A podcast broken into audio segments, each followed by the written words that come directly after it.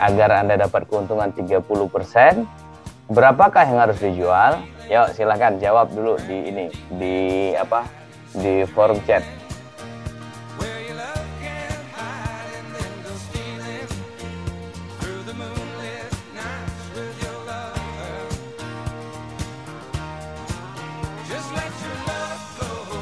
Sip. 26.000 ribu, 26 ribu. Oke. Ini 32.000. hitungan matematika ya kalau 26 ribu. nggak apa-apa. Ingat ya, kita hanya mengambil keuntungan 30%. Kalau ada yang bikin 32 ribu, buset banyak amat ya. Ayo, 26 ribu. Cakep. Cakep. Terus, terus. Saya tunggu lagi. Yuk. Jadi ini adalah salah satu eh, pendeteksi ya pendeteksi untuk mengetahui ini bocor duitnya ke mana ini kecap tole 3000 mbak masa dijual belinya 20000 dijualnya 3000 baik amat ya oke ah Food lu nongol di sini lagi Food oke Wes, udah, saya lanjut ya. Ya. Oke, sudah. Sip, saya lanjut. Woi, masih terus berlanjut nih. Oke, ya. Oke. Nih, saya lanjutin. Oke, nih. Kalau misalkan tumbler itu dijual seharga 26.000, ya, nggak apa-apa. Untuk reseller mendapat 20%, berapakah keuntungan yang kita dapatkan? Ayo.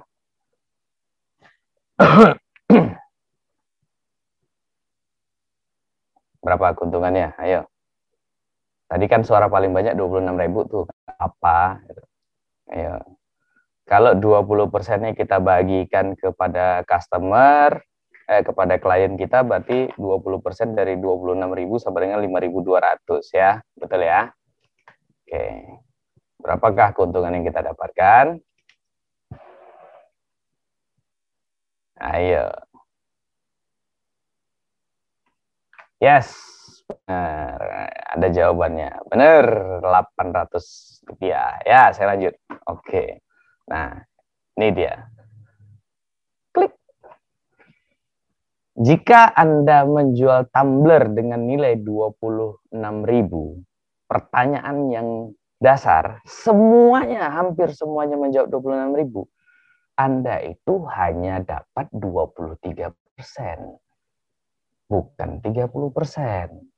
Dan keuntungannya kalau dibagi ke reseller 20 persen, Anda cuma dapat 3 persen. Ya. Anda cuma dapat 800 perak. Ya. Secara hitung-hitungan saja, kita itu udah salah. Makanya saya bilang, dari awal tuh kita belajar menghitung dulu. Nggak usah bikin laporan dulu deh. Nggak usah bikin pencatatan dulu. Hitung. Yang benar. Ya. Anda bisa bayangkan, sekitar uh, tiga tahun yang lalu, saya dengan Dinas Koperasi ditugaskan ke Rembang. Saya ketemu dengan seorang bapak-bapak uh, pembuat dompet kulit. ya. Dia bilang ke saya, Mas saya sudah 10 tahun punya hutang di salah satu bank. ya uh, Nominalnya 100 juta. Oke Pak, saya bilang tapi kenapa 10 tahun ini saya nggak bisa uh, membayar hutang, Mas? Malah kurang-kurang rasanya. Ini bilang. Oke, Pak, saya bilang. Yuk kita hitung. Setiap bulan dia itu menjual sekitar 1000 pieces uh, dompetnya dengan harga 10.000 ya, dengan harga 10.000. Menurut dia, menurut dia HPP-nya adalah 8.000. Artinya kalau kita bicara 2.000 setiap bulan, ya 2000 dikali dengan dengan uh, 1000 pieces sudah dapat 2 juta. Ya. Sudah dapat 2 juta. Kalau kita bicara 2 juta dikalikan dengan 2 uh, 10 bulan aja dalam setahun, dia sudah bisa men menyicil sebesar 20 juta setiap tahun. Kalau dia 10 uh, 10 tahun artinya 200 juta. Duitnya bisa balik dong. harusnya bisa bayar dong. Kan begitu, ya. Kok dia nggak bisa? Bapak dan Ibu percaya atau tidak? Ketika saya coba menghitung ulang HPP-nya, ya, HPP-nya ternyata di angka 13.000. Bisa kebayang? HPP-nya di atas 13.000. Saya bilang, Bapak kalau mau jual Bapak 15.000, jangan tiga eh, jangan 10.000. Oh, nggak bisa, Mas. Ini kemahalan, dia bilang. Ya, ini kemahalan. Hitungan saya cuma 8.000 kok.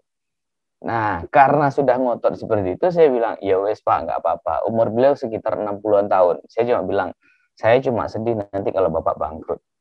Ya, satu setengah tahun kemudian saya tanya ke beberapa teman UKM di kota yang sama, benar, beliau bangkrut.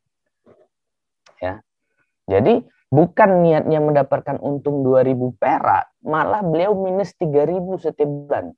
3000 dikalikan dengan 1000 bisnis yang diambil. Ya, yang terjadi apa? Ya minus 3 juta. Hari ini dapat bantuan 100 juta. Kurangi 3 juta besok kurangnya 3 juta. 10 bulan aja udah 30 juta. Ya. 3 tahun aja udah 90 juta.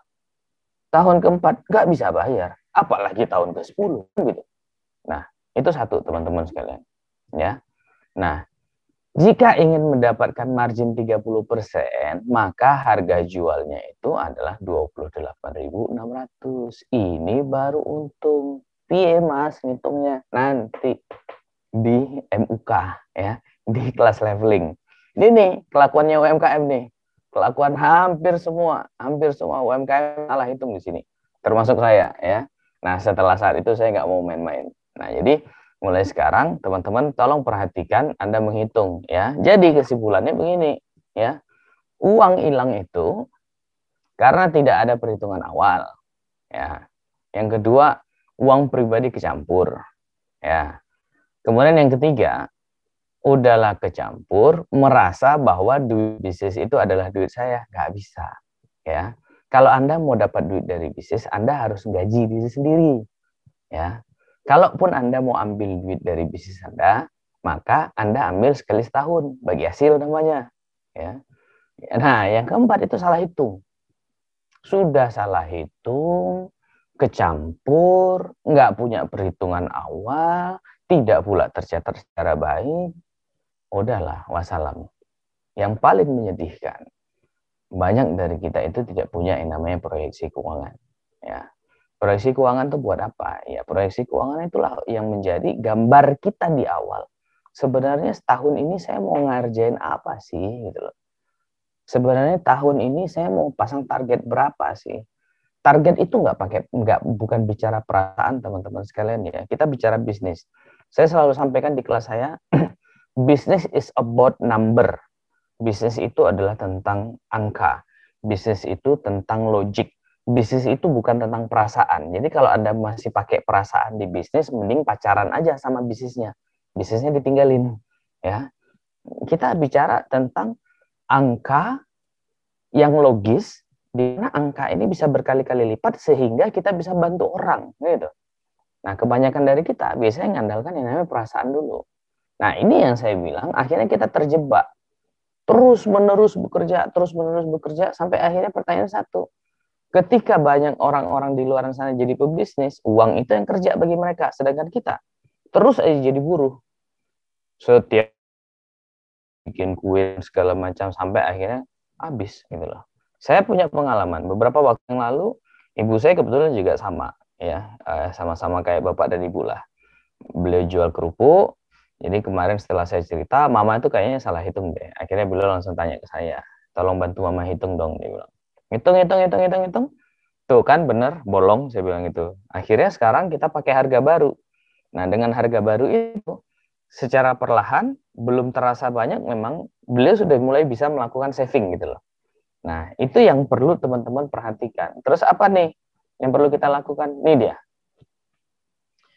Sebagai seorang pelaku bisnis, ya, Anda mau terima atau tidak, kalau Anda sudah memutuskan untuk menjadi seorang pelaku bisnis, maka Anda harus eh, atau pelaku usaha, maka Anda harus tahu komponen-komponen usaha. Pertama adalah membuat neraca awal bisnis. Buat apa Mas Bio? Biar kita tahu berapa sih modal awal yang kita pakai di bisnis kita, ya, berapa sih hutang kita, berapa sih uh, total aset yang kita gunakan untuk usaha kita. Dan kemudian dari situ nanti akan berangkat bagaimana kita membuat proyeksi. Di proyeksi itu nanti kita akan belajar menghitung HPP, harga jual, harga distribusi, kemudian sampai di situ akhirnya mulailah yang namanya sebuah target tercapai. Nah, kalau nanti teman-teman di leveling kelas uh, batch 1 apa uh, level 1 ya, di level 1 di bagian MUK itu saya akan membawa mau sebesar apa pun. Kayak kemarin itu ada salah seorang uh, pelaku usaha asetnya itu hampir 2M